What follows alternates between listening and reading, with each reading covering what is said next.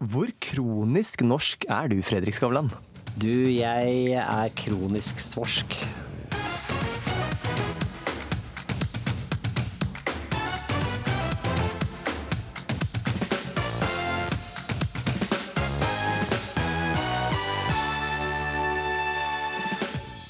Han var fredagskongen her på NRK, men etter at Fredrik Skavlan gikk til TV 2, har seerne vendt ham ryggen. Hvorfor, har jeg lyst til å spørre han om. Og hva skal til for å bli kronisk norsk? Kamzy Gunatrata, Gaute Grøtta Grav og komiker Josef Hadoui tar debatten. Og politikerne har skapt opprør blant folk med abortsaken. Og hvem er det politikerne tror de er, på en måte? Når de tror de kan bestemme over mitt liv. Ja, det sier kvinne som har tatt senabort.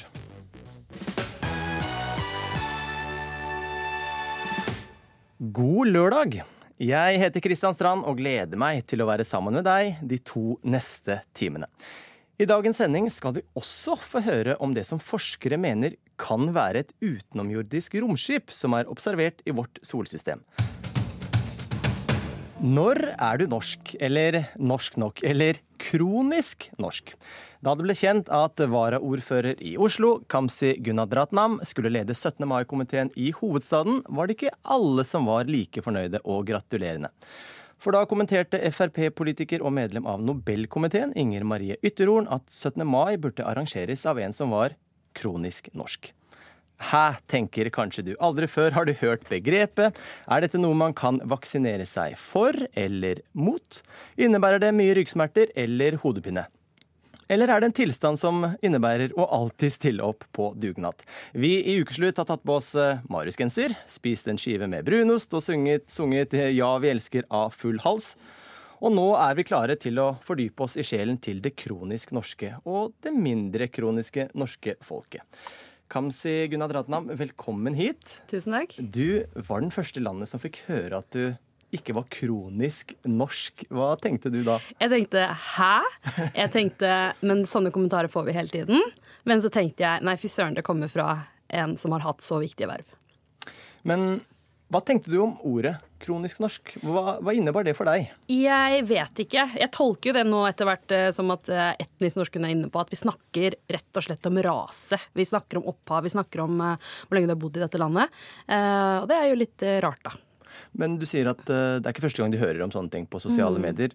Hvor herdet er du blitt? Du ser ikke så herdet ut her du sitter. Du ser ganske sånn myk og god. Nei, altså, Poenget er jo at uh, jenter blir hetset mest. Uh, jenter med minoritetsbakgrunn enda bedre, uh, mer. eh, enn- og jenter med minoritetsbakgrunn og hijab enda verre enn det. Så jeg hadde jo Faten på besøk da jeg så denne kommentaren. Hun var på sykebesøk fordi jeg lå Faten fra NRK, ikke Yes, sant? Ja. Mm. og jeg forstår jeg lå i senga.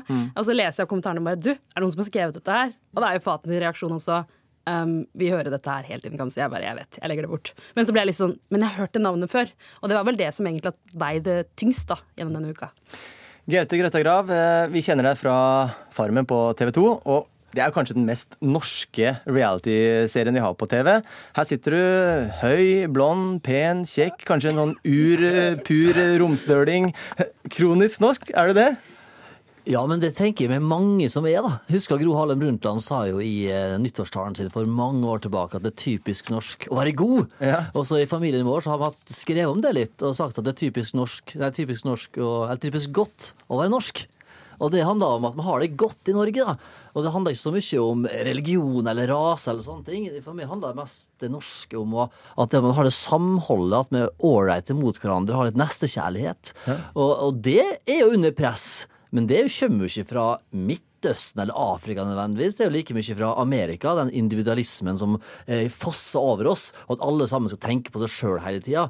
Selvfølgelig, det finnes jo idioter overalt. Og nå, han der eh, Paus, Ole Paus sa jo at en drittsekk er en drittsekk uansett nasjon, og det er jo sånn her òg. Altså, jeg får jo masse rare ting på Facebook eh, med forferdelige kommentarer eh, av feil jakke har og sånne ting. Og det, og det, og det, men det preller jo av på en annen måte, selvfølgelig. da. Men er du mer kronisk norsk enn Kamzy, tenker du? Eh, jeg, hva, jeg, jeg kan ikke forholde meg til det begrepet engang. Altså. Altså, det vært- jeg synes noe- det- alt som er kronisk, føler jeg er, er slitsomt å være. Det vil jeg helst unngå. Så jeg håper ikke at det er kronisk norsk. Men typisk norsk å være, eh, typisk godt å være norsk, det syns jeg er Det er, ålreit. det er riktig. Eh, Josef Hadoui, vi kjenner deg fra Svart humor og talkshow her på NRK. Eh, hvis man kunne testes for kronisk norskhet, hvordan hadde du kommet ut da på den skalaen? Eh, Det kommer litt an på hva, hva det var vi skulle gjort. Da. Hadde det vært sånn dugnad Altså Jeg ser for meg sånn eh, norgesmesterskap i kronisk eh, norsk. Eller altså Det er dugnadsarbeid. Lillebjørn Nilsen-sanger. Einar Rose. Ja. Eh, Hadde du kommet godt ut der, da? Jeg hadde nok havna sånn midt på tre. Sånn average Joe. Så Hva, men hva, hva tenkte du da du hørte denne, dette nye uttrykket kronisk norsk? Nei, Vet du hva, jeg bare tenkte å, ja, Det er et nytt ord. Ja. Snikislamisering har jo litt gått ut på dato nå. Så da, det, det var jo litt sånn Frp Så det kommer jo nye ord fra, fra en side her, og det er jo Åt høger. Ja. Men syns ikke det er en sånn æresbevisning å bli kalt kronisk norsk? Det høres ikke positivt ut. Det er ikke positivt lada ord. Uansett. Så jeg tenker sånn Du er ikke kronisk norsk nok. tenker jeg ja, men så bra, da. Ja, ja, bare, ja da Ja, for kronisk er jo en sånn medisinsk term som kommer snikende og, og er langvarig og kanskje vanskelig å komme seg ut av. Ja, Som betyr eh, egentlig rett ut uhelbredelig. Ja, Ja. ja er, er, det, er det det, kan vi si? det håper jeg da ikke er. Men, men hva, hva, hva, hva vil si, hvordan tror du folk tolker dette kronisk norske? Altså, hva, hva legger folk i det? Jeg tror at eh, Jeg tror liksom bakgrunnsteppet her er at Norge er en ganske ung innvandringsnasjon. Eh, det er først nå liksom vi inntar alle bygder og eh, brygger, holdt jeg på å si. Og det betyr at det er først nå man opplever det flerkulturelle over det langstrakte land, og alle er ikke vant til det. Så man lengter tilbake til det gamle. Det er litt enn det Trump appellerer til også, altså det gamle USA. Og noe av tendenser vi også ser i Oslo og Norge, ikke særlig Oslo, men resten av landet, som gjør at folk vil tilbake til det som var det trygge, gamle, faste jobb, og ingen kommer og tar den fra oss. Og det er en sånn, en sånn nasjonalromantisk greie over det som ikke er, eh, som, som du sier, da, ikke er positivt lada. lada. Eh, som jeg tror eh, vi må, vi må fjerne den historiefortellingen, for den stemmer ikke. Eh, og man må tåle at eh, det, det som er norsk, det er liksom alle oss, og det er vi som skaper det sammen. Og det er uansett hvem vi er. Men der er jo Farmen et perfekt eh, sted å være. da, altså Komme inn på Farmen, som er tilbake til noen århundrer, og så komme inn, og så blir du kronisk norsk. Ja, men Det er litt vittig å si der, fordi at mange av deltakerne våre har jo nettopp hatt det som approach, om de har norsk eller utenlandsk bakgrunn, at de ønsker å komme tilbake til røttene, oppleve det besteforeldre gjorde, eller foreldre har opplevd, og bare for, for å kjenne på det. Og jeg har flere deltakere som har sagt etterpå at nå føler jeg meg skikkelig norsk, etter å ha vært et par måneder på Farmen. da. Så det er litt kult, da. Eh, Men altså, det er så artig med at Farmen er jo 200 år tilbake i tid, eller 100 år tilbake i tid. Eh, Hvis vi gjør det eksperimentet på andre land, så er det jo ganske likt. Ja. Eh, Både i Norge, Sverige og langt i Europa, og sikkert også i Afrika. Altså, det er ikke det, er ikke, det, bas, det basic greiene er jo ganske likt over store deler av verden. Josef, hvem, hvem ser du på som typisk kronisk norske? Eh, hvis jeg skulle tatt et eksempel, eh, så tenker jeg sånn Abid Raja, kanskje. Han er en gang Ja. kronisk norsk, som er, står på ski eh, hele tida. Og eh, han er ute og ski. Han går med sykkelhjelm i byg, inne på bygget her, så da tenker jeg det er jo Ja, Hvorfor, hvorfor gjør det noen så norske? Nei, jeg vet ikke. Det er vel typisk at uh, nordmenn er gode på ski, født med ski på beina og den pakka der, tenker jeg at uh, Men uh, skal jo sies at jeg er jo egentlig kronisk uh, norsk, eller sånn kronisk Jeg har en sånn, inn, en sånn stemme i hodet mitt. Sånn, har, egentlig så har jeg en sånn ytterhorn. En sånn uh, Inger Marie Ytterhorn som prater til meg hele tida. Hun er på en måte styggen på ryggen min. da. Så hun forteller meg hele tida at ja, nei, nå prøver du for hardt. Nei, du, er, du blir aldri helt norsk. Så det er, så det er jeg, jeg tenker at det er Men hvordan er det du prøver fart, da? Nei, altså, det er bare det å snakke om været, liksom. Da, da, da, kommer, da kommer den stemmen. Hun bare Du, nå må du faen meg ta deg sammen. ass. Nå prøver du igjen. Nå prøver du for hardt. Så jeg har en sånn indre sånn, Jeg blir litt sånn skitso med åra. men blir jo det. Jo mer integrert du blir, jo Det er jo sånne stemmer i hodet ditt som bare hele tida bare OK, nå, nå dro hun for langt, ass. Det der kunne droppa å snakke om, liksom. Det er fint vær i dag òg, det veit vi. Det har vært det hele sommer, så bare shut the fuck. Du har jo flytta tilbake til eh, Romsdalen, eh, Gaute. Ja. Eh, Manglet du noe norskhet i deg, siden du måtte tilbake til hjembygda? Ja, det er rart, altså. Kunne jeg valgt, så ville jeg jo bodd litt sånn på farmensk vis i, men det kunne vært et annet sted òg. Men for meg er det bare så rart, altså. Jeg bare kronisk eh, kobla til fjella. Det er vanskelig å unngå. men det handler ikke om at det er Norge eller ikke. Det er bare jeg tror der du er født, eh, der jeg er født, da, så fikk jeg veldig kobling til. Men jeg må bare si kjapt at det, eh, vi kan godt fokusere negativt på den ene kommentaren, og det syns jeg er helt, helt riktig. Men samtidig så syns jeg vi er ganske flinke i Norge òg. Mest, mest flinke til å integrere hverandre. Og i, i min vennegjeng så ville en sånn kommentar vært helt ukjent og veldig fremmed. Eh, Jeg har vært rundt i mange andre land og jobba, og opplever kanskje sånn hverdagsrasisme mye større da. Eh, Jeg er jo mot meg sjøl. Hvis du er i Japan, eksempel, så er det jo veldig spesielt å helt tatt være annerledes enn deg. Så sånn sett så skal ikke vi svartmale oss sjøl, for jeg tenker at det er egentlig, eller hvitmale, eller hva man skal kalle det. For det, det er ikke det verste plassen å være i Norge. Men altså, selvfølgelig er det kjempebra at vi tar tak i sånne idiotiske utsagn og bare spikrer deg på veggen og sier at sånn skal det ikke være. Kort til slutt, Kamzy. Mye reaksjoner. Hvordan har det vært? Det har vært aller mest støtteerklæringer. Eh, men, eh, men jeg må jo liksom si at det, det aller aller viktigste er jo at eh, den støtten jeg fikk, den er nødt til å gjenspeile seg resten av året. Fordi de aller fleste opplever hverdagsrasisme hele tiden. Og da er det dessverre ingen som tar til motmæle. Ja, i går satt du kanskje igjen med valget. Skal jeg velge Lindmo på NRK eller Skavlan på TV 2? For etter at Fredrik Skavlan forlot NRK med talkshowet sitt til fordel for konkurrenten, så ser det ikke ut som om seerne hans har ønsket å gjøre det samme. Men i går så hadde Skavlan et sterkt intervju med foreldrene til avdøde Kim Wall, som ble drept i ubåten til Peter Madsen. La oss høre på det.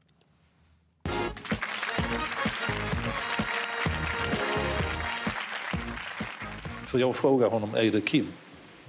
Vi vet inte, vi vet inte. Nej, så men ni kan väl se det på hårfärgen eller eh, någonting. Nej, säger han, tyvärr, det, det är en torso. Och jag förstår inte riktigt vad han menade. Vad menar du med torso? Ja, det är en kropp utan armar, utan ben och utan huvud. Och då, jeg vet inte, jag, det var ut- det var tufft å få det beskjedet. Her hørte vi altså far Joakim Wall. Velkommen til ukeslutt, Fredrik Skavlan. Hvordan skal dette intervjuet gjøre at Skavlan igjen blir en snakkis her hjemme? Det tror jeg ikke vi gjør med ett intervju. Ehm, og jeg vet ikke i hvilken grad det handler om å være en snakkis eller ikke heller. Eh, ofte så har ikke snakkis og seertall så mye med hverandre å gjøre. Det er veldig mange programmer som er veldig mye sett, som ikke snakkes så mye om også. Eh, det, det- som, som har vært vår utfordring, er jo egentlig lineære seertall, altså vanlige seertall som vi har vært så bortskjemt med, og som, som eh, tilhører NRK og den slåtten på NRK. Men vi må gå litt inn i tallene. Fordi da du gikk fra NRK til TV 2, så sank seertallene eh, kraftig. Eh, og forrige uke så var det jo under 250 000. Altså 250 000 på Fredrik Skavlan. Hva har skjedd? Jeg har jo vært mye lavere enn det da jeg begynte, så det føles som å begynne på nytt. Ja. Eh, Men det, det som har skjedd, er jo at vi har, eh, vi har tatt en, en stor sjanse med en del av markedet vårt, eh, og, som er Norge. Eh, Og, og det Vi visste jo hva vi gikk til. Vi Er det for stor sjanse? Altså, blir du, blir du skuffa når du får disse tallene? alle blir skuffet. Eh, helt klart. Både vi og kanalen TV 2. Og eh, selvfølgelig blir vi det. Eh, og fordi vi føler at vi lager bra programmer, ikke sant. Og, vi, vi, vi syns det har vært en, en, en høst med noen veldig sterke eh, intervjuer som vi har vært fornøyd med. Men, men samtidig så har jeg sånn respekt for at eh, du, det, er så, det er mye å velge mellom nå. Vi kan ikke bare forvente at folk skal velge oss til enhver tid. Og sånn sett så har vi litt godt av dette her òg. Men det er jo et eller annet Som jeg sa, da, da, de, da de første virkelig lave tallene kom hvordan er det gått? jo, men jeg bare forteller, altså, Da de første virkelig lave, lave tallene kom, så, så var jeg, da var jeg en weekend oppe og, og gikk i fjellet sammen med øh, noen av de store barna mine. Og så, og så har jeg dum nok til å ha med mobilen, og så da plinger de inn, og så kommer de tallene. Og så, og så så jeg ser jeg dette. Er, det er mange år siden jeg hadde så lave tall. Og da sier jeg bare ja ja, dette er bra for pappas personlige utvikling. og det, det, mener jeg litt òg, da. At er, vi, vi, har godt av det. Fordi at det er en luksussituasjon å sitte i den slåtten, ha Nytt på Nytt som gir deg en masse seere og, og, og sånn. Jeg, jeg, jeg, har jo vært, jeg har vært heldig å få være med, være med på det i mange, mange år. Tenker du at det er mye av grunnen til at den slåtten som du har hatt tidligere med Skavlan, har gått så godt? Fordi man har fått drahjelp av Nytt på Nytt? Ja, for, det første, så, så, for det første så må jeg bare si at NRK har jevn kvalitet i de, den sendetiden. Eh, og det, har, det, hadde de før, mener jo jeg, da. Men det har de virkelig nå også. Og det eh, at NRK både er vitale og herlige eh, liksom i det de produserer, eh, og samtidig eh, opprettholde folks vaner, det tror jeg er veldig viktig. Og, den, og det, det, det, er klart at sånn sett er ikke vi så veldig overrasket over det, altså. Men jeg lurer på, var det smart å gå til TV 2 når du ser hva som skjer? Du, jeg er blitt spurt om det om jeg angrer, og jeg syns det er litt for tidlig å si. Uh, jeg, kan, jeg, kan, ikke si jeg, jeg, angrer liksom ikke på ting. Uh, og, jeg, og, jeg, vil jo mye heller i så fall angre på noe jeg har gjort, enn noe jeg ikke har gjort i livet. Det er en slags uh, jeg, tror hvis jeg, hvis jeg, var redd for å angre, så tror jeg aldri jeg hadde begynt i Sverige heller. Og Sverige var, føltes jo mye farligere enn dette her. Nei, jeg, jeg, angrer ikke fordi jeg har hatt en veldig positiv opplevelse av å jobbe med, med TV 2. De har vi jobber mot nyhetsavdelingen der, da.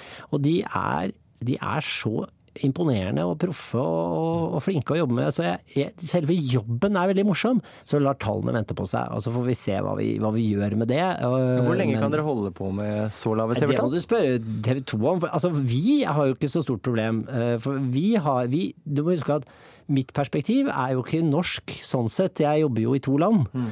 Eh, sånn at vi lager jo da på en måte fremdeles Nordens desidert største talkshow. For vi kan holde på lenge, men, men, eh, men jeg jeg, jeg, sier jo det hver gang jeg kommer ned i TV 2, og, og vi, vi, har jevnlige møter, og det, jeg, sier, jeg, sier, jo det. Her kommer katta i sekken, sier jeg. jeg vet ikke. Det er jo mange som eh, Altså, vi har hørt mye om disse pengene. Altså, du har flyttet over til TV 2, fått 90 millioner for fire sesonger. NRK var villig til å betale. Rundt 45 skal det visstnok være. Dette er, dette er, det er spekulasjoner. Som er spekulasjoner, ja. ja, ja. Eh, var det verdt det? Nei, men det, om det var Altså, det, vi gjorde jo ikke dette for penga. Uh, kanskje Nei? til slutt så blir det til at vi gjorde det for penga, jeg vet ikke. Men det var, det var, ikke, det var ikke det som var motivasjonen vår. Mm. Det, uh, og det skjønner jeg ingen tro på. Uh, men, men, men hele prosjektet vårt handlet jo om, om å forsøke å egentlig gi et gammelt format et nytt liv. Eh, vi følte vel at for NRK så var vi i veldig stor grad en lineær satsing, altså en gammel TV-satsing. Mm. Og NRK eh, hadde et annet fokus på sin digitale spiller. på den tiden. Og vi, og vi, møtte en konkurrent som var veldig interessert i å bruke oss som en langsiktig satsing digitalt. Eh, som fortsatt er veldig fokus i det vi jobber med. Og det, eh, og det syns vi var eh, attraktivt. Selv om vi visste at det kom til å innebære en humpete vei frem dit. Og det er der vi er nå. Takk for at du var med oss her i Ukeslutt, Fredrik Skavlan. Som de fleste har fått med seg, så kolliderte fregatten KNM Helge Ingstad med tankskipet Sola TS ved Stureterminalen i Øygarden. Reporter Mette Antun, du er ute ved fregatten nå, faktisk om bord i en av redningsskøytene som var med på å redde mannskapet. Hva er siste nytt? Ja, nå har jeg vært eh, og sett eh, der som de driver med bergningsarbeidet i dag. Og de har holdt på å berge i, prøve å berge eh, fregatten også i hele natt. Det siste nå det er at seks av ti vaiere er blitt boltet fast. Så nå ligger fregatten såpass stabilt, sier Sjøforsvaret, at de i dag vurderer å faktisk gå inn og besiktige fregatten. Vi vet jo at den har tatt inn mye vann, og hvordan det ser ut der inne, det har de jo selvfølgelig lyst å se. Men det virker da som om de kan få det til allerede i dag. For nå er det altså eh, stabilt nok. Ja, Hvordan ser det ut der ute, egentlig? Jo, det ser egentlig ut sånn som du har sett det på bildene de siste dagene.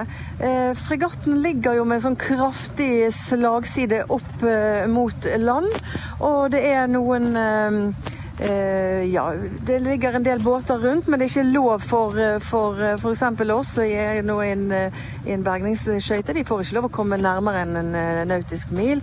Så det pågår, det pågår aktivitet, men det ser ikke så veldig hektisk ut. Det ser egentlig ganske rolig ut. 137 personer ble reddet i land. Og Mette Antun, du møtte for litt siden en av redningsmennene fra Redningsselskapet, styrmann Bengt Ronny Landøy Midtbøen. Og han forteller om hva han opplevde da han kom fram til fregatten. Nei, da ser vi da eh, fregatten som står eh, opp mot land her. Eh, som blir støtta av en slepebåt. Eh, der evakueringa er i full gang. Eh, Mesteparten av mannskapet står på helikopterdekket. Eh, alle flåtene på babord side er blitt utløst. Og eh, de, mannskapet på Helge Ingstad står og venter på at eh, de skal få evakueringsordre fra, fartøyet. Og de fleste som var på Helge Ingstad, de ble tatt om bord i andre båter enn deres, men til slutt så var det ca. ti stykker som kom hit. Og hvem var det? Det var skipsledelsen om bord på Helgingstad som evakuerte ja, en liten time etter resten av mannskapet gikk, eh, gikk ifra bordet. Hvordan vil du si de var preget av hendelsen? De var veldig fokuserte, eh, fatte. Og i forhold til den eh, situasjonen de nettopp har vært borti, så vil jeg si de var veldig, ja, de var veldig kontrollerte og rolige.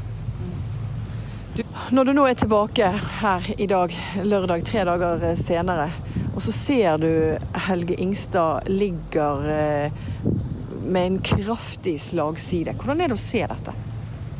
Nei, Jeg syns det er trist. Det er et uh, sterkt inntrykk. Uh, og Nei, Sånn som så, så, det ligger nå, sånn, så er det jo eh, Vi vet jo liksom at alt gikk bra. Eh, potensialet for at det ikke gikk såpass bra som det akkurat er akkurat nå, det var jo der. Eh, så jeg er bare Eller vi alle tre, vi er vel alle sammen veldig glad for at eh, det gikk så bra som det faktisk gjorde. Tusen takk til deg, reporter Mette Antun. Mange har sett rødt etter at høyreledelsen igjen har begynt å snakke om å endre abortloven. Dette som er signalparagrafen for diskriminering for mange psykisk utviklingshemmede, det som er liksom sorteringssamfunnets fane, den vil ikke lenger være en lovparagraf.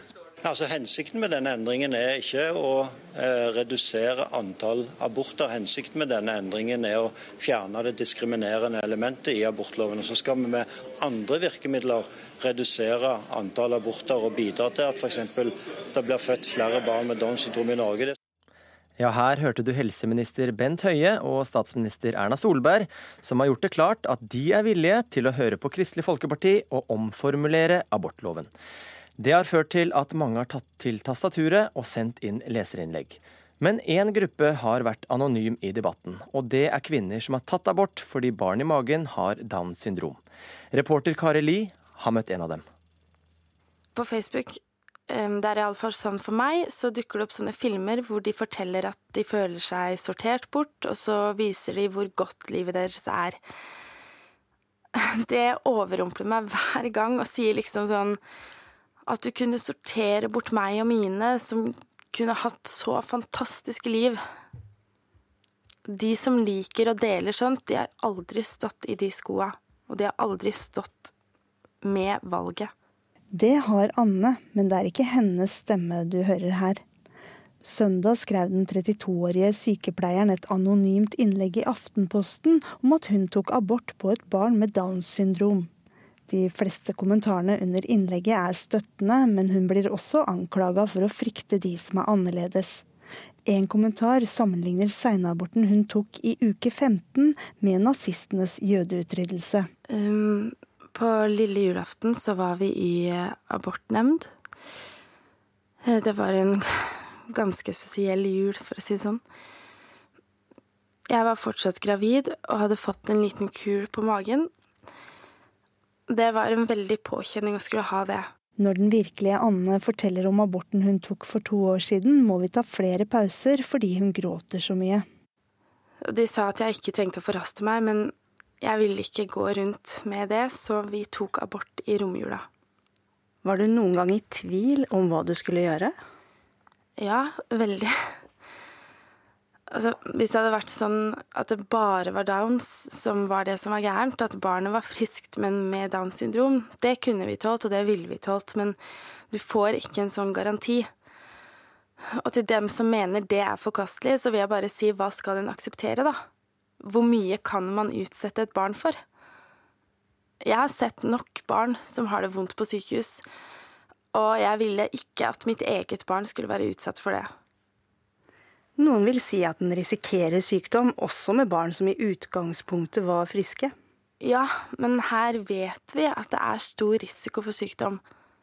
Når du ser voksne med Downs som står i media og ber om at de ikke blir sortert bort, hva tenker du da? Jeg kan forstå at de tar det ille opp, men mest så tenker jeg at det ikke er deres sak hvordan en annen familie skal ha det selv om de har et godt liv, så er ikke det representativt for alle. Og jeg syns det er ugreit at det brukes på den måten, for det har Altså, i mine øyne så har det ingenting å si hvordan de andre har det. Ville man, dersom noen tar abort uten sykdom, altså en vanlig abort før uke tolv, ville de da vist fram en fireåring og sagt 'se så søt han er'? Ville du ikke ha en sånn?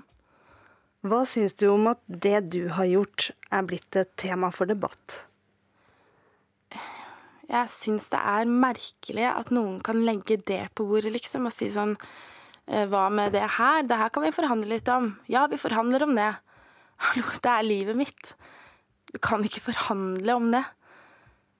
Det er en voldsom inngripen, og det kommer til å ende med at folk reiser utenlands og gjør ting og betaler seg til altså, Det har jo aldri vært noe problem for dem med penger. Heller ikke før abortloven kom, for de kjente jo alltid en lege eller kunne betale en lege eller reise et annet sted. Ja, jeg tenker eh, Ja, sånn vil det kanskje være framover òg. Jeg ville reist til et annet land, og det gjorde jeg jo også da jeg ble gravid igjen. Da reiste vi til Danmark på eh, NIPT-test.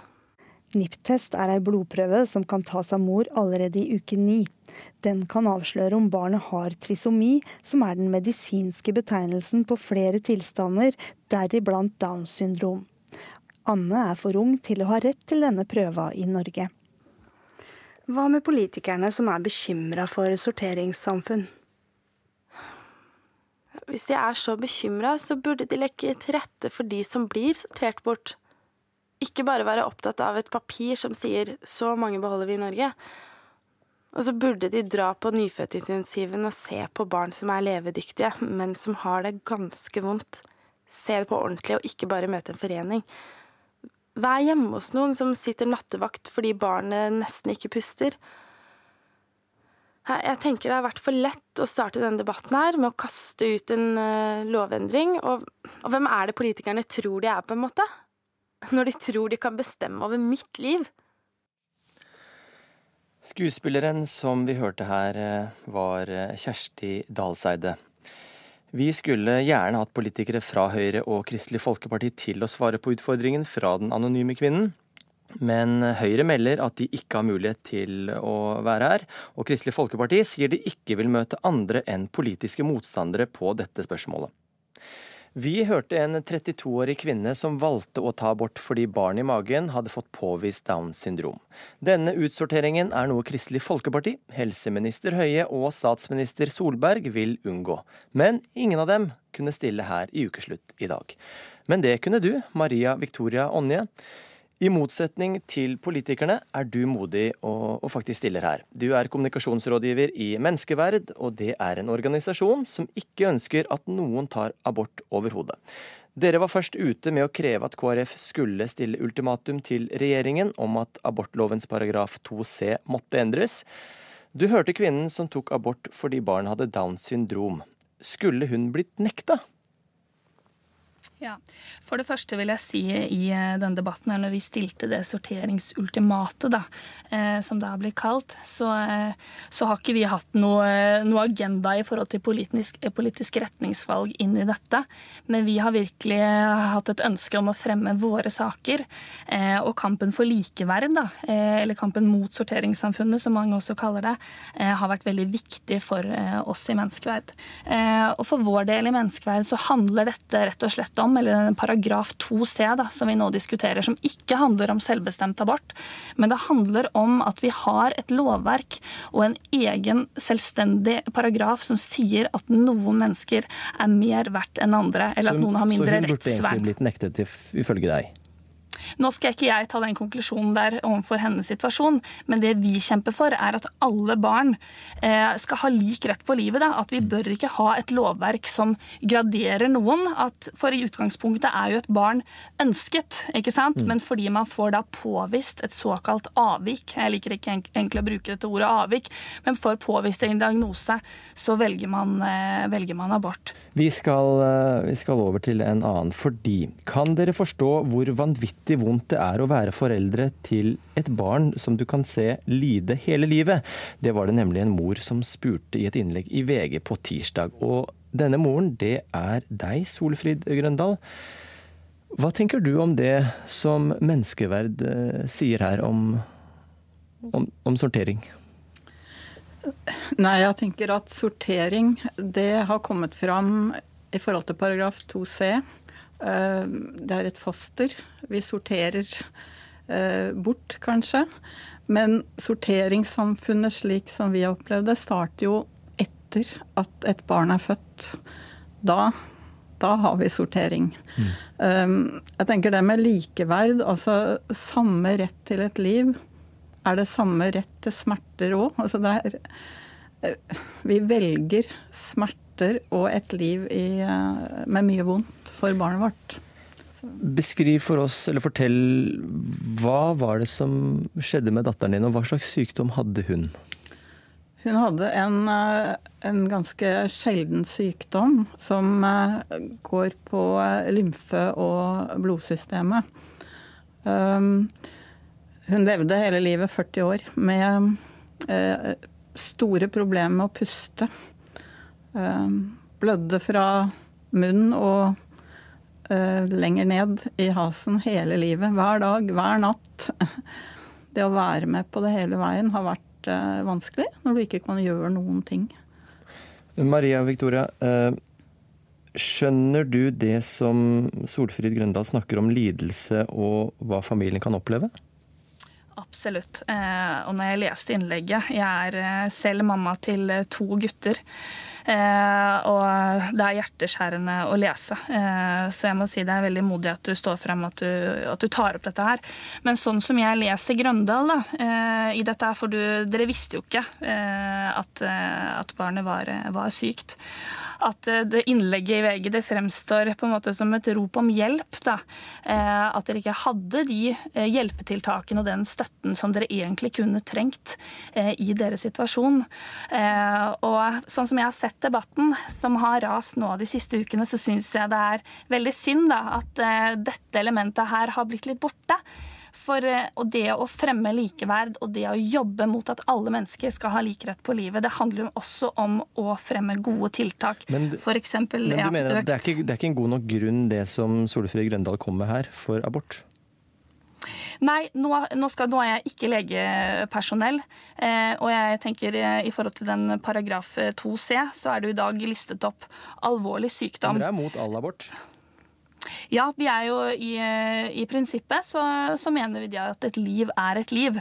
Eh, men nå snakker vi ikke om selvbestemt abort, nå snakker vi om, om selektiv abort, eller abort etter grensen for selvbestemmelse som går etter tolvte uke. Mm. Eh, og Det er veldig viktig å skille på i denne debatten her. Eh, fordi selvbestemt abort og kampen om det kan vi ta en annen gang. Mm. Eh, men i dette her, da, som jeg prøver å komme litt tilbake til, så er det det at eh, ja, vi kan, eh, vi kan, si at vi skal ta bort en paragraf eller omgjøre ordlyden på den til å f.eks. handle om ikke-levedyktighet. Mm. Men sammen med en justering av en sånn paragraf, så mener jeg det er veldig, veldig viktig, og det syns jeg eh, Grøndal får frem på en veldig god måte. Eh, at vi trenger andre hjelpetiltak. Eh, samfunnet må stille opp med de tingene som de familiene trenger for å kunne leve en, en, en ha en god hverdag, da. Solfrid, hva til tross du om for de det, det du hører her? Jo, jeg tenker at det etter at de er født, jeg er helt enig i det med andre hjelpetiltak. Men jeg må si at jeg var veldig glad for at jeg ikke hadde fått det valget om abort, ikke abort den gangen. Og kanskje valgt at Vibeke skulle bli født, når hun bl.a. sa at uh, hun meldte seg ut av statskirken fordi hun sa det kan ikke finnes en gud. For hvis det hadde vært en gud, så hadde han aldri villet gjort så vonde ting mot et barn.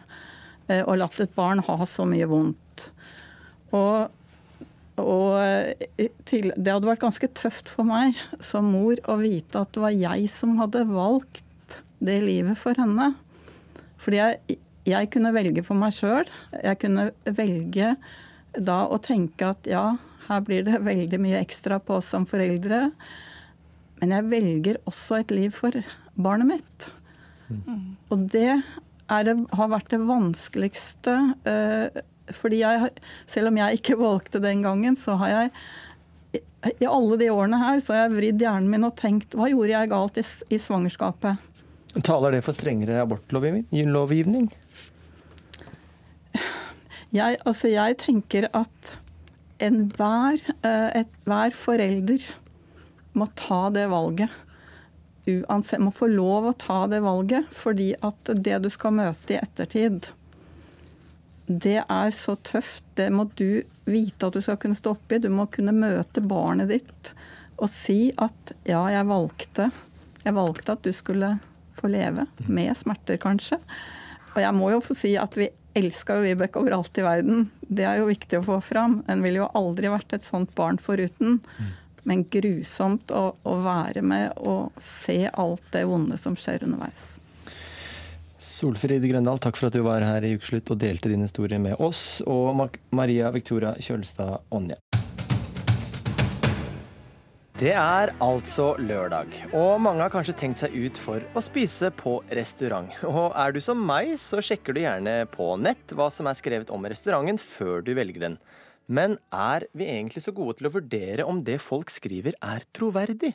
En ny studie gjort av forskere ved universitetet i York viser at vi stoler ganske så blindt på anmeldelser gjort av vanlige folk, og som bekrefter det vi trodde fra før.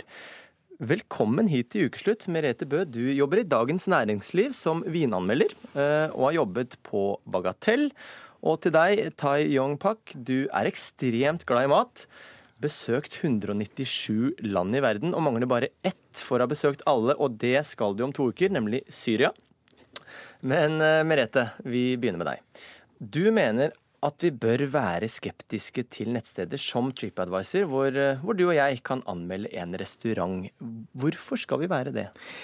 Eh, fordi at For det første så er det veldig lett å gjøre en anmeldelse der. Det er ingen krav til at du har vært på restauranten. Det er veldig lett at en kan gjøre falske anmeldelser. Uh, og fordi at jeg vil si at du, du veit ikke hvem som har skrevet de anmeldelsene. Du veit ikke om de har fått noe for å gjøre det. Du veit ikke om de har vært der. Og jeg tenker at en bør heller høre på folk som, som ja, som jobber med Som jobber i Dagens Næringsliv. Ikke sant? er ikke, men tenker du at folk flest ikke er kvalifiserte nok til å anmelde mat når de først går ut og spiser? Altså Alle er jo på en måte kvalifisert fordi at de sitter der og har en opplevelse av den maten de spiser. Men du skal jo ha spist litt, da. Du skal ha vært litt mye ute for at du skal klare å ha en skikkelig kvalifisert mening, tenker jeg. For du må kunne sammenligne. Eh, og når du ser eh, hva som ligger på topp i Oslo, bare for å ta et eksempel eh, De ti beste restaurantene i Oslo på TripAdvisor er jo kanskje Jeg vil si at det ikke er de ti beste restaurantene i Oslo som ligger der. Ja, du mener det? At de ikke egentlig burde vært der? Noen av de, ja. Mm. Eh, Ta Yong Pak, du er altså ute og reiser masse. Bare ett land igjen som du ikke har besøkt i hele verden. Og da spiser du deg veldig rundt uh, og bruker TripAdvisor, eller? Jeg bruker veldig mye TripAdvisor til veldig mye, egentlig. Ja, Hvorfor uh, gjør du det? Det er flere grunner. Uh, jeg tror det er viktig at man skjønner forskjellen egentlig med hva en, det på engelsk kalles review versus en rating. Så veldig mye av f.eks. DN er en fantastisk anmeldelse, kvalifisert på mennesker som gjør eksperter. Mens en rating er den nye store trenden vi ser overalt. Hvis jeg skal leie en film, så sjekker jeg IMDb. Skal jeg handle på eBay, så sjekker jeg hva ratingen er. Og sånn er det også på nabobil overalt. Så det er en brukerrating, folkets stemme.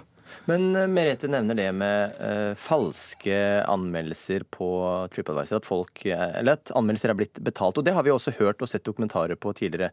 Hvordan kan vi egentlig stole på at ikke alle disse restaurantene bare er kjøpt og betalt?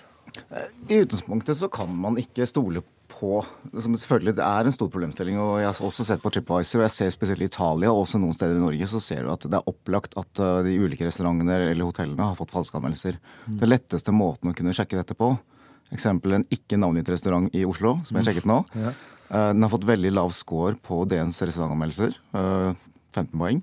Og når jeg sjekket på, DNs, eller på TripAdvisor, så var de 30 første anmeldelsene så var 25 av dem helt like. Det vil si at det er én person som har gitt én anmeldelse, ikke noe bilde, og toppscore. Så det er en typisk sånn du kjenner igjen.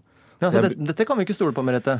Nei, absolutt ikke. Og dette syns jeg er synd. For dette er folk flest, tenker jeg, når du skal til eh, et annet land, en annen by, Istanbul eksempelvis, så søker du på Best Restaurant in Istanbul. Det første du får opp, er TripAdvisor. Du får opp de ti beste på TripAdvisor, og veldig mange tenker å ja, OK, fint, da går jeg på en av dem. ikke sant? Hva som passer, hva du har lyst til å spise. Uh, de fleste tenker ikke på at du må sitte og se gjennom alle anmeldelsene for å se om det er noe fake, liksom. Tenker jeg, da. Ja, jeg, jeg, tror man må sammenligne Vi snakker om epler og pærer her på Reviews Ratings. For eksempel DN. Fantastisk bra. Utrolig bra anmeldelse. Men det er tre-fire dimensjoner som skiller nye brukerstyrte ratingsystemet kontra de tradisjonelle anmeldelsene. Det ene er selvfølgelig kvaliteten som vi snakker om. Eksperter versus anmeldere. Den andre er også mangfoldet. Eksempel DNs anmeldelser de har anmeldt 292 restauranter i Norge nå. Eh, jeg tipper at det er 1250 på TripAdvisor i Oslo, så totalt i Norge kanskje rundt 3000. Så DNs anmeldelser, og de fleste anmelder kun topprestaurantene. De anmelder kun de beste restaurantene i Norge. Folk flest spiser mange andre steder. Mm. En av de mest besøkte restaurantene i Norge er faktisk Egons. Folkets stemme. Mm. Hvem eier god smak? Det kommer også på frekvensen. DN anmelder eksempelvis ca. 100 restauranter i året. Og når de har 293 anmeldelser, vil si at hver restaurant blir anmeldt hvert tredje år. Det er en kjempestor veldig bra kvalitet. Mens på TripAdvisor så har du anmeldelser daglig. Du kan ha 100-300 i året, du kan ha 500 i året. Mm. I tillegg så er det noe med den geografiske dimensjonen. Jeg vet ikke hvem som er god I Norge så vet jeg at DN er fantastisk. Jeg vet ikke hvem som er gode restaurantanmeldere i de ulike Om jeg drar til Gabon, om jeg drar til Syria. Da mm. fungerer TripAdvisor. Ja. Merete, dere, du hører hva Tai sier om at mm. man får den mangfoldigheten. Dere rekker jo ikke over alle disse restaurantene. Nei, virkelig ikke. Eh, og da skal visst eh, men er det noe med folkeligheten her som du egentlig ikke liker så godt, eller? ja, altså Nå har jeg anmeldt Egon uh, i Dagens Næringsliv. hva, hva, hva, fikk den? den fikk uh, Jeg husker ikke, det er, no, det er noen år siden. Men, uh, men um, den fikk ganske dårlig score, så vidt jeg husker. Mens folket liker den altså på TripAdvisor? Det var veldig mye lest, denne saken. Ja. men vi hører litt Tai skyter litt mot DN og restaurantanmeldere her. Men er dere egentlig bevisst deres eget, deres egen kraft der?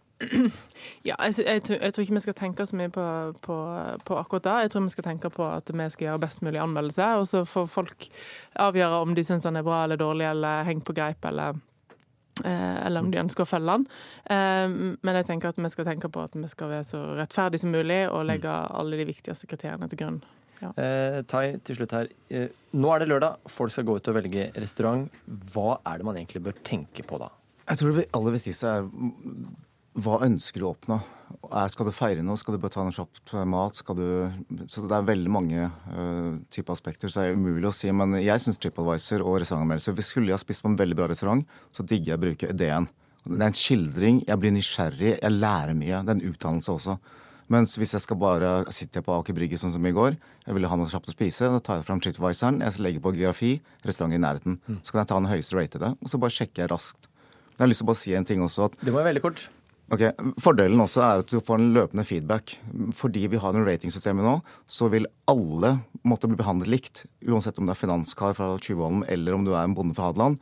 Du kan rate dem. Og alle restaurantene får en løpende tilbakemelding på hva som funker og ikke funker, istedenfor en anmeldelse som kommer en gang i året, som gjør at du kan hele tiden forbedre restaurantene ved å få den feedback-loopen. Merete Bø og Tayong Pak, takk for at dere var med i Ukeslutt. Og god tur, sånn at du får tatt hele jorda rundt, eller hele verden, eh, Tai. Eh, Vi spurte jo så klart også TripAdvisor i London om de ville være med når vi skulle snakke med dem, men de takket høflig nei. Denne uka kom skattelistene, og der kan du sjekke hva sjefen eller naboen, eller kanskje grandtanta di, tjener. Men de kan også sjekke hvem som har sjekket. For mange legger det en kraftig demper for nysgjerrigheten. Men det finnes løsninger. Reporter Gry Veiby har møtt en som gjør at du kan snoke uten å bli konfrontert med det. Jeg heter Erlend Mørk, jeg er 24, og jeg driver med humor, skattesøk, politisk journalistikk, og hvis man mener skattesøk er kunst, også kunst. Øynene er konstant festa til skjermen. Nå er det litt veldig hektisk. For eksempel, her kom det 160, ja. Hva vil det si, 160? Ja, men jeg som sendte 160 kroner for 160 kroner, fire nye søk. For går det mer enn ett minutt fra Erlend Mørk mottar en melding til han svarer, må han gi rabatt. For jeg er lynrask. Noen Ja. ganger under ett minutt. Men er det dette her du gjør i dag, liksom? Ja, i dag er det det. Erlends forretningsidé er enkel. Vil du sjekke skattelista til noen uten å gi deg til kjenne, kan du vippse han 40 kroner for at han skal sjekke for deg. Det er jo humor, og så er det å liksom kjøre så skamløs promotering av snoking.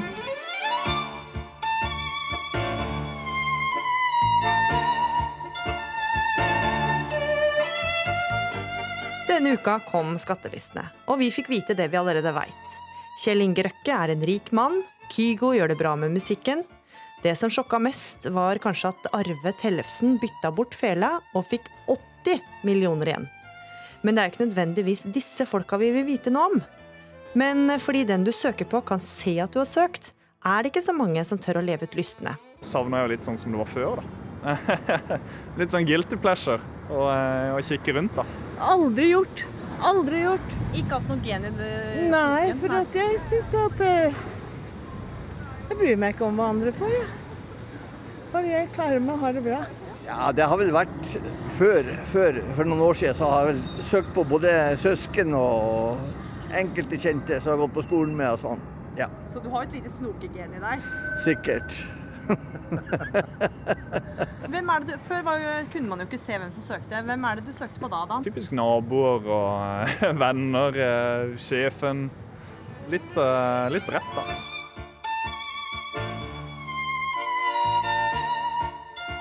Etter at skattesøk ble sporbare for fire år siden, har antall søk gått drastisk ned.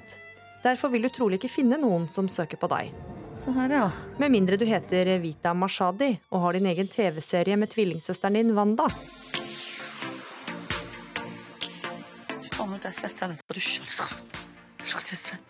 Gjør du det, eller? Å ja, nei, jeg ligger her og bare looking good. Skal vi se. Det er jo bare folk fra området mitt, da.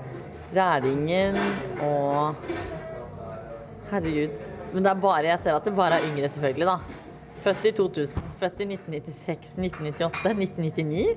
Og her er det en på 1989, faktisk. Og her er det en gutt.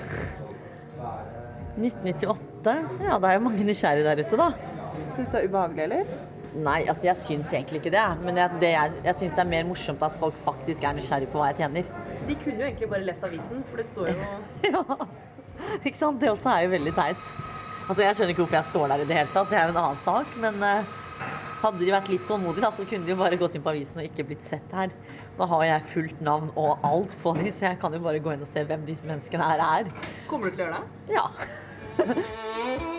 Og mens Vita finner ut av hvem som har søkt opp henne, vokser kontoen til Erlend takket være snokere som vil være anonyme. Hvor mye har du tjent så langt, da?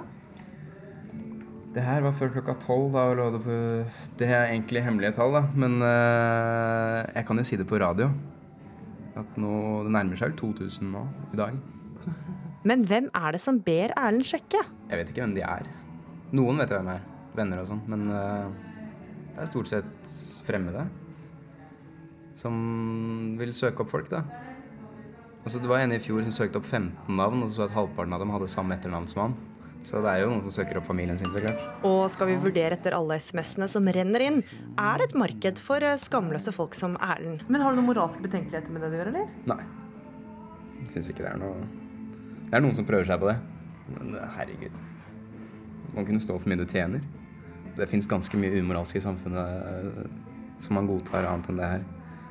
Som, så jeg tror ikke det her er topp ti engang av, eh, av kjipe moralske ting i samfunnet. Moralsk eller ikke, ser du at en Erlend Mørk har snoka i skattelista di, kan du nesten være sikker på at det står noen andre bak.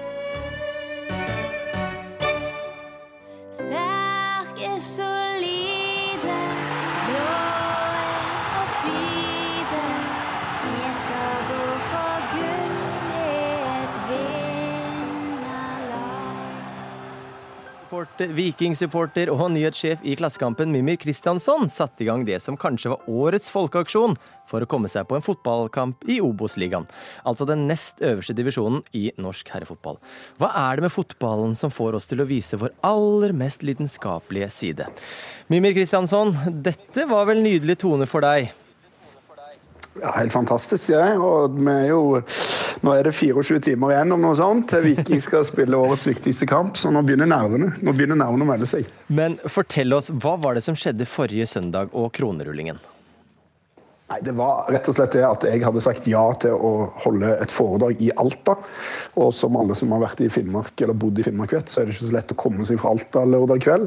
Og jeg skjønte fort at den eneste muligheten som fantes var å ta taxi fra Alta til Tromsø. Og det, det var for dyrt for meg.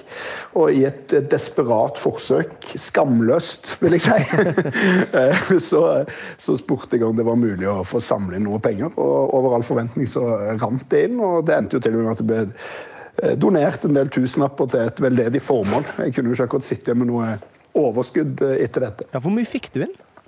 Nei, Jeg tror det må ha vært oppi 13 000-14 000 kroner. Noe i den dør. Og så, altså Jeg betalte jo en, en god egenandel sjøl òg. Men, eh, men eh, det var utrolig fint å se det, og det tror jeg bare kommer av at eh, folk, veldig mange folk kjenner seg igjen i, i det å være desperat forelsket i et fotballag. Men du visste vel at denne kampen her kom. Hvorfor var, hvorfor var denne kampen så viktig?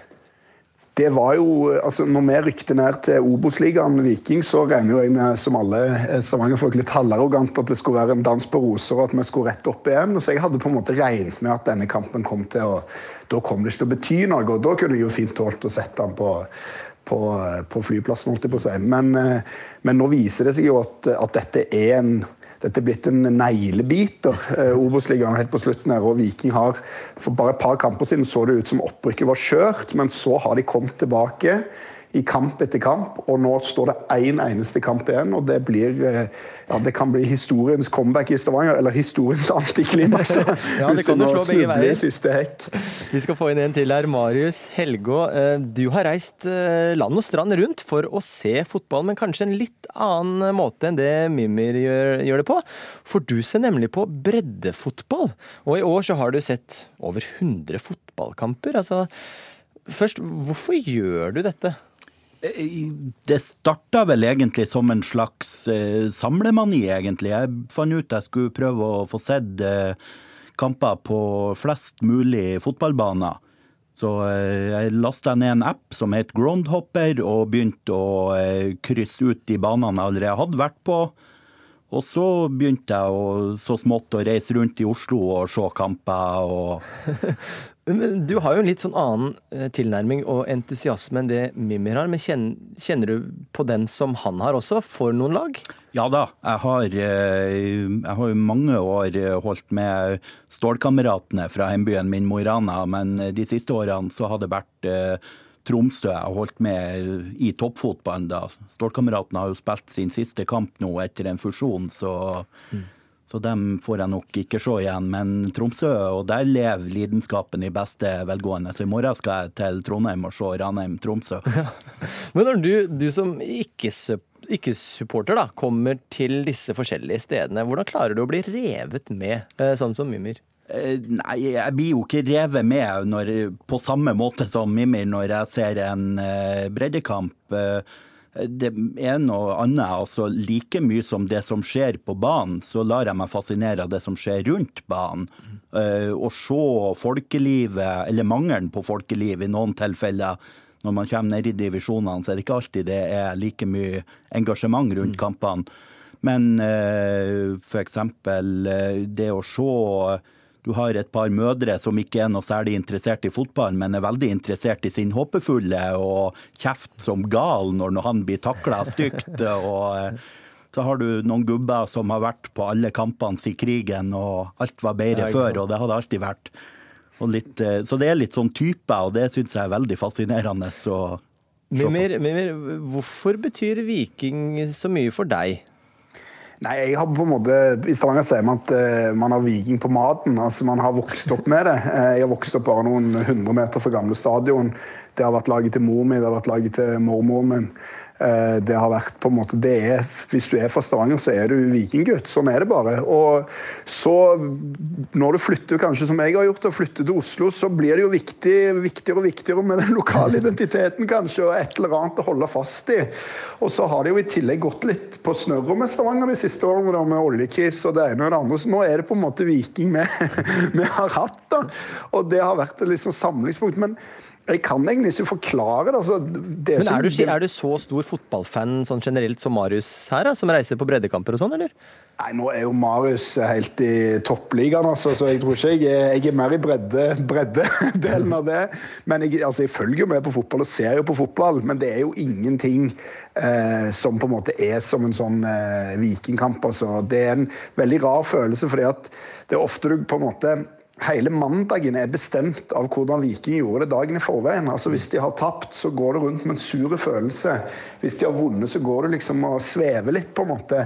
så det, det er et eller annet eh, som liksom ligger der. Og det er jo ikke noe unikt å ha det sånn. Hvis du ser på eh, Stavanger, nå er jo fotballgalskap i Stavanger. Det er 16 000 solgte billetter til en kamp mot Kongsvinger i Obos-ligaen.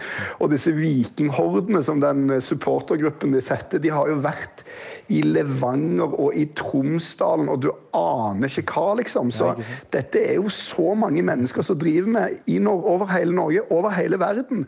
Og det spiller ikke noen rolle om det er Barcelona eller Brodd, som en av lokalklubbene i Stavanger heter. Bare du har et lag, så har du alt du trenger liksom, for, å, for å ha det så gøy som vi har det.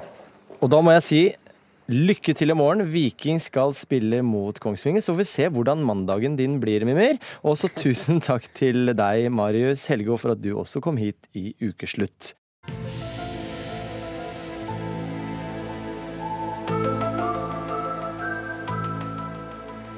Denne uka kom den oppsiktsvekkende nyheten om at vårt solsystem kan ha hatt besøk av et utenomjordisk romskip. Anerkjente Harvard- Harvard-forskere lanserer dette som en mulighet etter at et sigarformet objekt ble observert mens det passerte sola. Og vi har invitert hit selveste superekteparet når det kommer til astrobegivenheter. Velkommen hit, vitenskapsformidler Anne Mette Sandnes og astrofysiker Knut Jørgen Rød Ødegård. Og eh, Mette, det har altså vært publisert tegninger av hvordan man tror dette objektet ser ut, men hva vet vi egentlig? Først så trodde man altså at dette var en komet, og man eh, skjønte jo at det måtte være et komet i så fall fra et annet solsystem, siden det hadde en vanvittig fart. Men så så man ingen utblåsning fra noe komethale, ingenting, så tenkte man dette må være en asteroide. Og så etter det så fant man ut likevel at det kunne ikke være en asteroide, fordi den ikke hadde disse utblåsningene, så da fant man ut at det måtte være en komet likevel. Så man har altså vekslet ganske mye på hva det kan være. Så per i dag så er det ingen vanlig forklaring ut ifra de tingene vi kjenner til i vårt solsystem, som kan tilsi at det er noe vi kjenner til som har blitt dannet her, og vi kan ikke skjønne hva det er, siden den har denne helt spesielle formen. Ja. Derfor så har altså forskerne konkludert med, og det bør man jo kunne tillate seg på en måte å gjøre, og tenke kan dette være noe utenfra? Og da har man altså en annen teori om hva det kan være, som innebærer at det ikke er fra vårt solsystem. Og at det kan være eh, et seil fra en intelligent sivilisasjon eventuelt. Da. Siden ikke vi vet om noe seil som vi har sendt ut i vårt solsystem, så må det komme utenfra.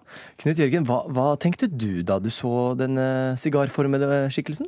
Ja, Det at det kommer et objekt fra et annet solsystem er i seg selv oppsiktsvekkende. Men da denne formen ble kjent i fjor høst, at den var eh, ti ganger lenger enn den eh, var bred, det var ekstremt merkelig. For eh, jeg har aldri trodd at det kunne lages noen sånne objekter med den formen i vårt solsystem. Så med mindre noe skulle foregå på en helt annen måte i et annet solsystem, så eh, var det veldig nær å tenke at dette kunne være noe kunstig laget. Men, eh, Men hvorfor kan det ikke lages noe i den formen i vårt solsystem? Vi kjenner jo ikke til noen ting som har den formen, men det, det er ikke utelukket. Så man kan jo ikke si at vi ikke har objekter. Vi kjenner ikke til Kuiper-beltet. Etter at de plasserte Pluto for tre år siden, så startet en helt ny tidsepoke med å oppdage objekter lenger ut i solsystemet, så vi vet jo omtrent ingenting om de ytre delene av solsystemet. Det er upløyd mark. Mm. Så om det er slike objekter der, så kan man jo ikke med sikkerhet si at det ikke er det. Men vi tror ikke det ut ifra den kunnskapen vi har i dag om hvordan objekter blir dannet. Men vi lærer jo ganske mye om fremmede eksoplaneter. Man har oppdaget over 4000, og dermed så oppdager man også, ganske mye om fremmede solsystem. Og da kan jo det tenkes at vi kan lære ting fra disse fremmede eksoplanetene eller solsystemene som gjør at det kan tilsi at vi vil komme til den konklusjonen at det kan finnes slike objekter også i vårt solsystem. Så det er ganske nyttig. Eksoplanetoppdagelse er veldig nyttig. Kanskje får vi et helt naturlig svar via den måten. Men det mest nærme her er jo også at dette objektet i tilfelle kommer fra den indre delen av dette fjerne solsystemet som det opprinnelig stammer fra, der det er steinregimer steinlegemer, ikke fra den ytterste delen. Sånn at det, det må i tilfelle dannes på en måte som ikke kunne vært dannet i vårt solsystem, for vi kjenner ganske godt til vårt, det indre av vårt eget solsystem. De ytre delene, som vi ikke kjenner så godt, der eh, kan jo tenkes å være den type objekter, men ikke av stein, som dette tilfellet måtte ha vært da. Men nå har altså forskere eh, ved Harvard gått ut og sagt at dette kan være noe utenomjordisk. Altså et romskip. Romskip var vel Ja, altså de Eller noe som et seil, Ja. eller noe som Noe kan stamme fra en annen sivilisasjon, Ja. eller? Eh, Det, det er det de mener, og de sier jo ikke at de tror at det er det. Det er jo litt viktig å si at de, de tror ikke at det er det, men de mener jo eh, at man bør ha såpass åpenhet at man, når man ikke kan finne logiske svar, så bør man tenke kan det være det? Som en del av andre forklaringer. Ikke at det er det, men at det kan være det. Og det, det er jo helt naturlig, og det burde være såpass stuerent at man kunne ta det med i betraktningen. når de da, Må ikke heller glemme at han ene forskeren faktisk eh, er en av de som er i spissen for eh, et prosjekt som heter Breakthrough Starshot, som altså skal sende sonder til vår nærmeste nabostjerne, og har stor innsikt i akkurat dette. Så veldig stor troverdighet fra denne personen. Men hvis det er Nå må jeg bare spekulere, da. Men hvis det er noe fra en annen sivilisasjon, altså Hva er det da? Har du, har du tenkt noe på det, Knut Jørgen? Altså, Hvem og hva er dette her, da? Da, hvis det har kommet hit, eh, så har de enten sendt det ved et uhell, at det er et eh, utbrent romskip som ikke lenger eh, har vært i bruk, og det har bare tilfeldigvis kommet det innom vårt solsystem. Ja.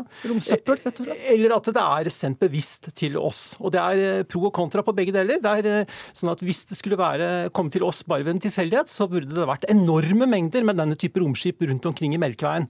Det er jo fascinerende, men samtidig høres det jo utrolig usannsynlig ut. Og Hvis dette er sendt direkte til vårt solsystem for å undersøke, så er det forklaring på hvordan det har kommet til oss. Da har de ikke hatt så veldig høy teknologi. Det er en teknologi som vi snart eh, besitter selv. Vi kunne sendt et tilsvarende romskip om kanskje 20-30 år, men eh, da kanskje de har sendt tilsvarende romskip til mange solsystem. Hvor lang, hvor lang tid har denne bare si noe med formen, for det er ganske interessant med, med formen på den. Den tumler ganske mye og roterer på en måte som er ganske spesiell, Mm. og som egentlig tilsier at når man ser på formen på denne her, og ser at den roterer på den måten, så føler vel i hvert fall jeg, og antagelig du òg, at det er ganske usannsynlig at en sivilisasjon skulle ha sendt et objekt eh, som tumler på den måten der. Det virker litt uprofesjonelt. Så da må de enten ha mistet litt kontroll, og at på den måten tumler. Så denne tumlingen av objektet virker på en måte ganske lik eh, hvordan andre objekter roterer. Så det er Men- men altså et setter tegn på at det ikke er fra fremmede. Det som skjer der ute, inn i vår litt sånn logiske, jordiske tankegang? Det kan hende at det er på de andre galaksene at det er noe helt annet. Ja, det er alltid en tanke og et spørsmål som vi får hele verden når vi reiser rundt i Norge. Hvorfor skal alt være tenkt ut ifra hvordan vi jordiske tenker det? Ja. Ikke sant? Men, men den tumler faktisk på en måte som vi har sett mange ganger før. Så vi tror vel at hvis de er, er såpass oppegående Nå trenger de ikke være så langt ut i utviklingen, vi har snakket ganske mye om det. fordi om de klarer å sende et seil hitover, så er det ikke, så er det ikke det noe, noe som betyr at de trenger å være så mye lenger foran oss i utviklingen. Det Hva, skal hva, ikke så kan mye de, til. hva, hva kan de vite om oss, tror du? Så De kan visste i hvert fall ingenting den gangen de sendte det. Nei, det fordi at. Da denne ble sendt ut, så fantes ikke vi mennesker. Fordi at den, Med den hastigheten den har, ca. 95 000 km i timen, så må den ha brukt mange hundre tusen år fra en eventuell opprinnelsesstjerne.